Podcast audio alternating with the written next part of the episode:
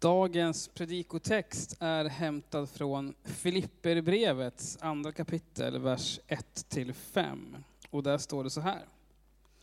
Om ni nu har tröst hos Kristus, om ni får uppmuntran av hans kärlek, gemenskap i anden och medkänsla och barmhärtighet, gör då min glädje fullkomlig genom att ha samma sinnelag och samma kärlek och vara ett i själ och sinne.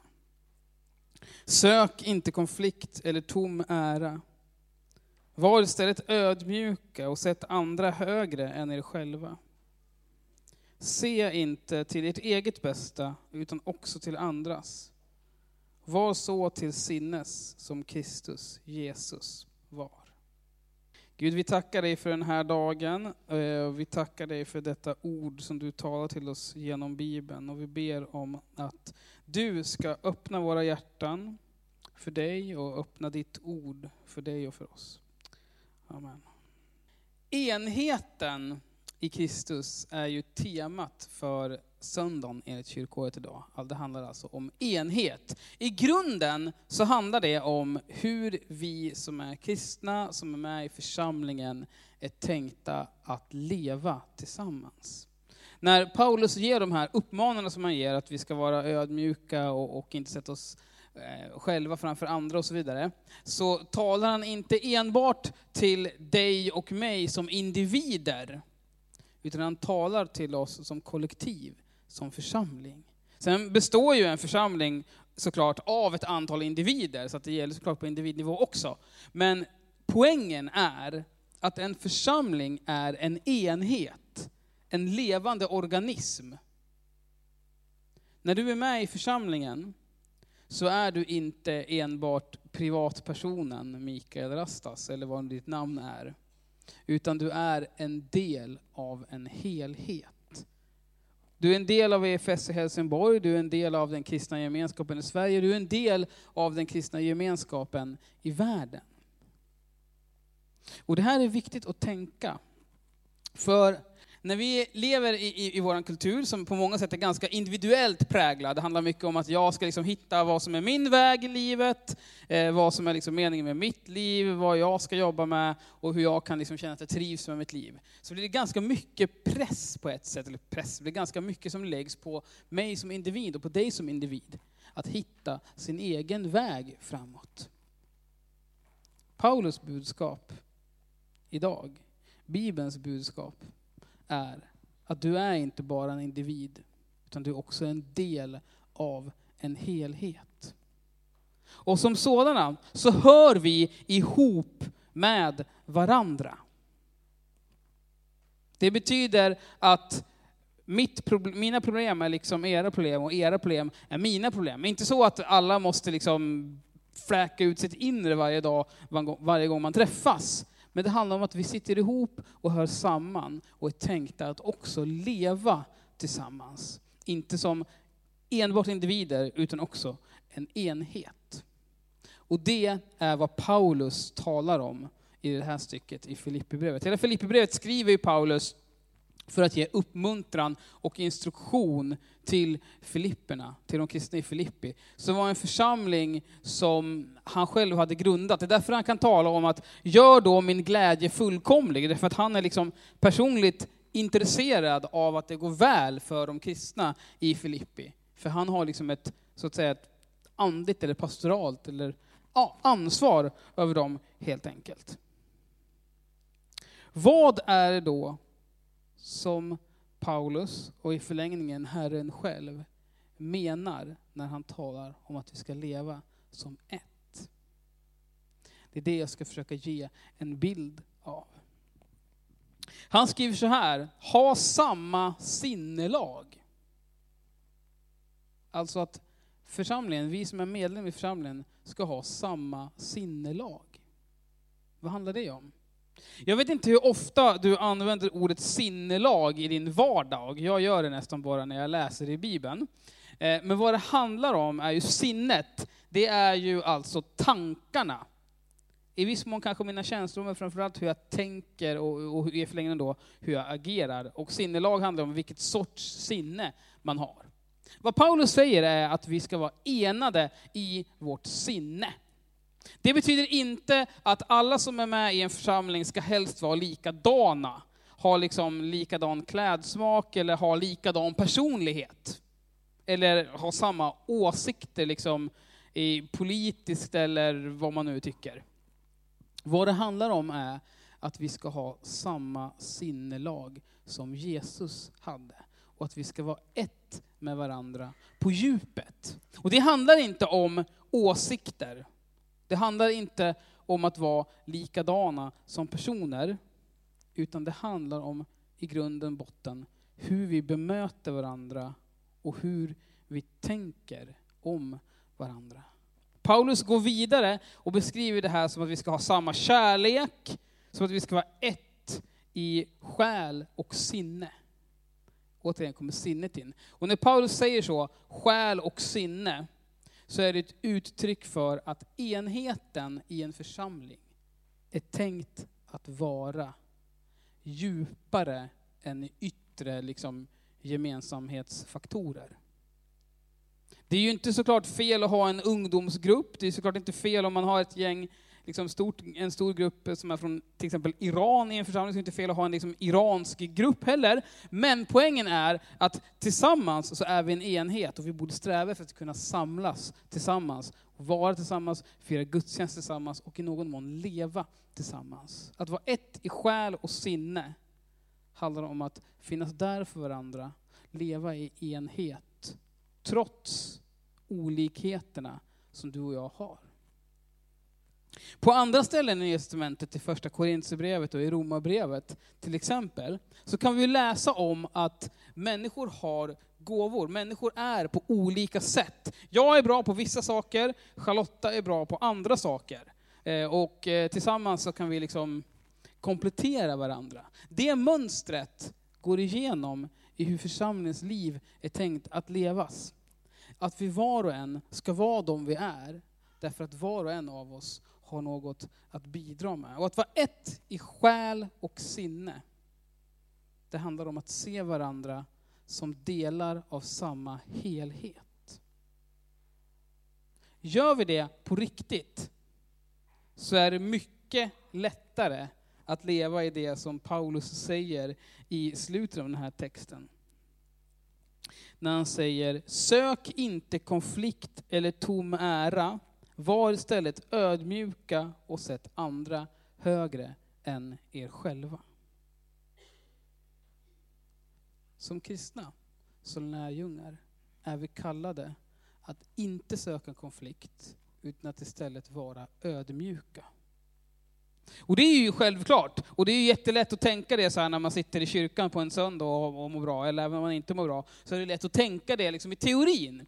Det är klart, jag söker inte konflikt, jag försöker ju vara ödmjuk. Men vem är jag när saker och ting sätts på sin spets? Det är jättelätt för mig att vara ödmjuk i frågor som inte är så viktiga.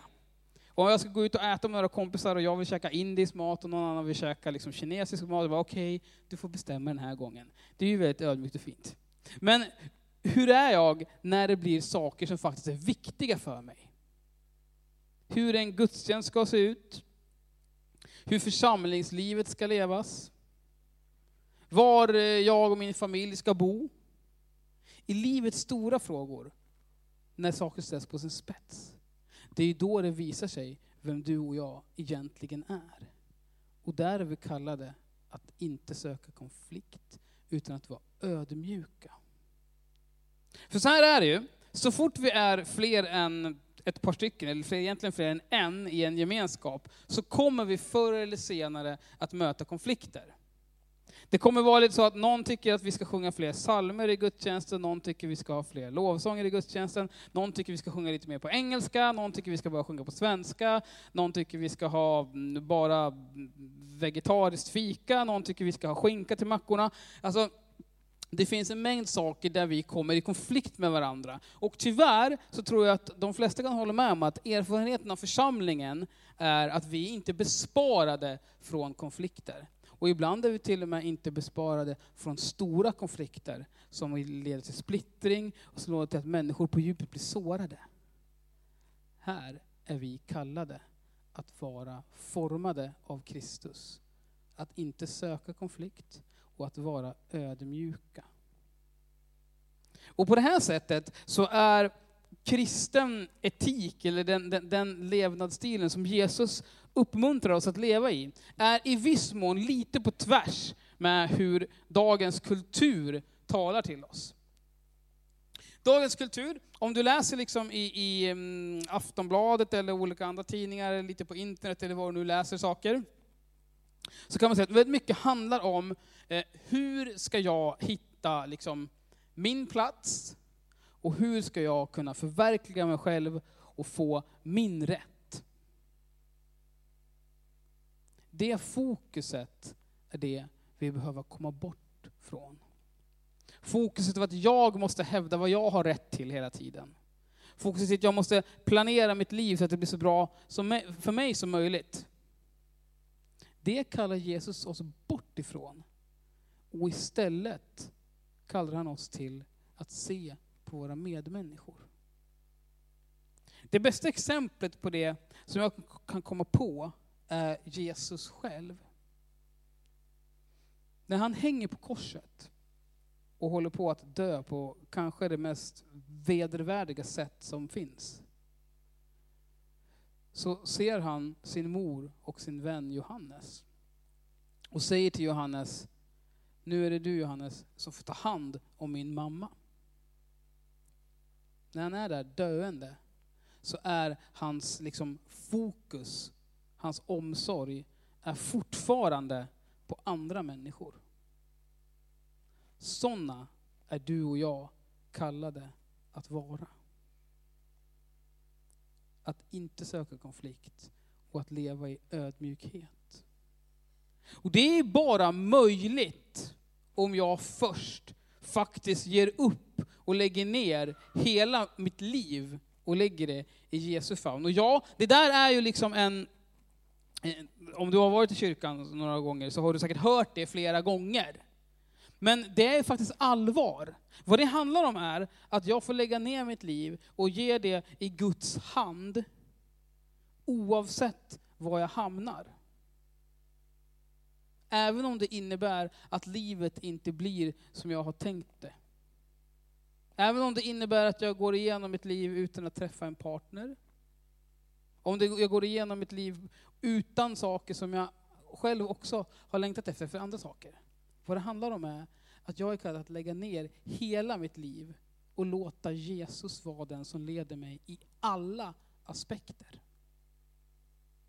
Inte bara de aspekter som jag kan visa upp när människor ser.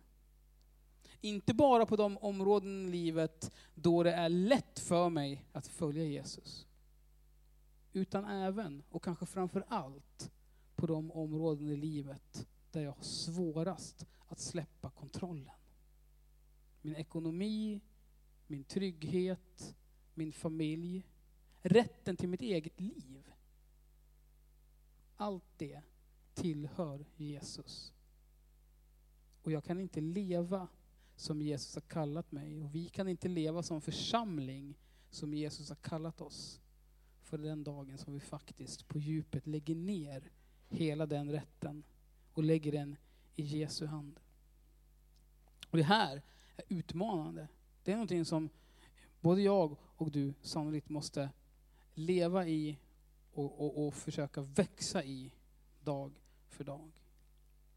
Gör vi det, då kan vi leva liv som inte är fria från konflikter, inte som är fria från att vi blir sårade eller kanske blir dåligt behandlade. Men vi kan leva liv där vi inte hela tiden måste stå upp för det som jag har rätt till och istället tänka på vad blir bäst för människor runt mig. Vad blir bäst för min familj? Men vad blir också bäst för den där irriterande personen som jag inte gillar så värst? För andra människor helt enkelt. Det betyder såklart inte att jag ska låta andra människor trampa på mig och köra över mig och liksom strunta i vad jag känner. Men det handlar om att ha sitt fokus på Herren själv och därmed på andra människor. Vi är kallade att leva i den enheten. Vi är kallade att leva i ödmjukhet. Och ödmjukhet, det handlar just om att vara mjuk i sitt inre. Och att inte framhäva sig själv som någon man inte är. Att inte framhärda på ett felaktigt sätt gentemot andra, utan att vara, var den man är och våga visa det för människor. Med styrkor och med svagheter. Det handlar inte om att tona ner sina styrkor, men det handlar om att vara öppen med vem man är och leva ärligt och öppet på det sättet. Det här är möjligt därför att Jesus har själv gett av sig till oss. Så här skriver han, Paulus alltså i början. Om ni nu har tröst hos Kristus, om ni får uppmuntran av hans kärlek, gemenskap i anden och medkänsla och barmhärtighet, gör då med glädje fullkomlig, etc. Och han säger inte om det här nu finns, säger han ju inte för att vara så här, mm, om ni har det så gör så här. Utan det är såklart en retorisk fråga, man skulle kunna säga när ni nu har fått allt detta. Vad är det han har sagt egentligen? Jo, för det första, tröst har vi fått hos Kristus. Det vill säga, alla de gånger där någon har sårat dig, där någon har talat illa om dig, avsiktligt eller kanske oavsiktligt har du blivit felbehandlad. Alla de gånger som du har varit sorgsen, ledsen, nere, så finns det en tröst att få hos Jesus. Därför han är den som ger all, all sin tröst till oss. Det betyder inte nödvändigtvis att livet blir en picknick. Att vi, att vi liksom slipper motgångar. Men vad det handlar om är att i motgångar, i sorg, i, i besvärligheter, så finns Jesus där och ger oss tröst och trygghet. Och en dag så kommer han att torka alla tårar på riktigt. Men det tar sin början även här. Sen talar de om att det finns gemenskap i anden. Gud är inte en Gud som bara finns i himlen och liksom kollar hur det går för oss och sen så griper in ibland när, när det går fel eller liksom tröstar oss ibland när vi är ledsna. Det finns gemenskap med Gud genom den helige Ande. Det står i, i, i Bibeln på andra ställen att Guds kärlek är utgjuten i vårt hjärta. Det står att Guds ande bor i oss. Jesus säger själv att den som tror på mig, ur hans eller hennes inre, så ska det flyta strömmar av levande vatten. Vi kan alltså leva i en gemenskap med Gud på daglig basis. Inte bara när vi firar gudstjänst, inte bara när vi, när vi är här liksom, eh, och träffar andra, utan också på vår kammare, när vi sitter på bussen eller när vi tar en dusch. Så kan vi möta Guds närvaro. Vi kan be till Gud, vi kan öppna våra händer och våra hjärtan bildligt talat och ta emot Guds tilltal. Därför Gud har inte dött, blivit människa och dött och uppstått för oss för att han bara ska titta på. Utan han har gjort det för att han vill ha sann och djup gemenskap. Paulus talar också om medkänsla och barmhärtighet.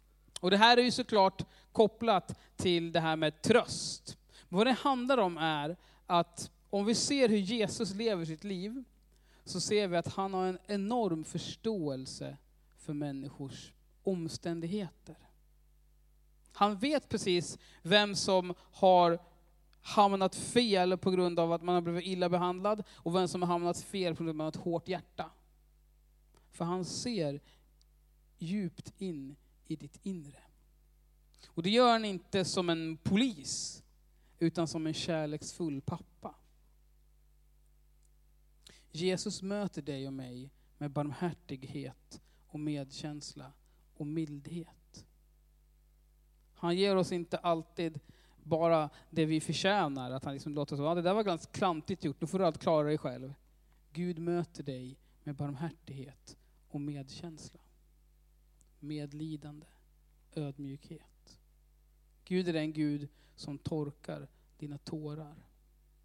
Det här gör, när vi får ta emot allt detta som Jesus ger oss av kärlek, gemenskap, barmhärtighet och nåd, då kan vi också leva ut det till de människor vi möter. Det är därför vi inte ska börja, som jag gjorde i min predikan nu egentligen, eh, med att tala om hur vi ska leva, att vi ska vara ett i sinnelag, vi ska vara ödmjuka etc. Utan vi ska börja i att varje dag ta emot av det Jesus ger. Gör vi det, då kan vi på riktigt leva i enhet. Och då kommer vi också se hur våra perspektiv förändras. Vi kommer få Guds synsätt på vad det innebär att leda en annan människa, vad det innebär att finnas där för en annan människa och hur, hur vi är tänkta att leva. Och Guds perspektiv, det Jesus kallar oss till, är alltid tjänande. Att sätta andra främst. Jesus säger till och med att den som vill vara stor bland er, den som vill vara störst, som vill bli en ledare, den ska ödmjuka sig och bli den minste. Som Jesus själv gör när han tvättar lärjungarnas fötter, så handlar det inte bara om att de ska få ha det gött och bli tvättade. Det handlar om att Jesus gör det som var tjänarens uppgift, det som var smutsgörat. Det gör Jesus för oss. Och det kallar Jesus oss att leva i. Inte som en from idé, utan någonting som vi lever i, i våra liv och i våra kroppar i praktiken. Så enheten i Kristus bygger på att vi får ta emot av det Jesus har att ge. Och att vi låter det prägla oss. Från hur vi talar om varandra när någon annan inte är där, hur vi yttrar oss om andra människor när vi har församlingsmöte, eller föreningsmöte eller årsmöte. Hur vi behandlar den människan som inte kan göra någonting för oss. Om vi låter oss präglas av Jesus, av den kärlek och barmhärtighet vi får ta emot från honom, kan också våra liv bli fyllda av samma kärlek och barmhärtighet. Och då kan vi bli ett på riktigt.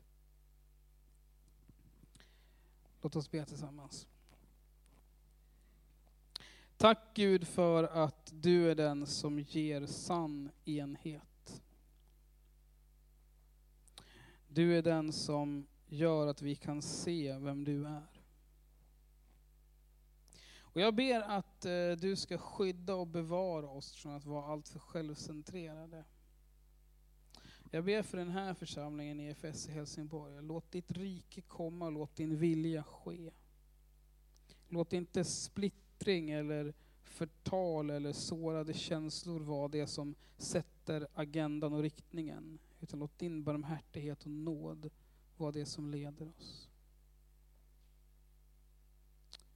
I Faderns, Sonens och den helige Andes namn. Amen.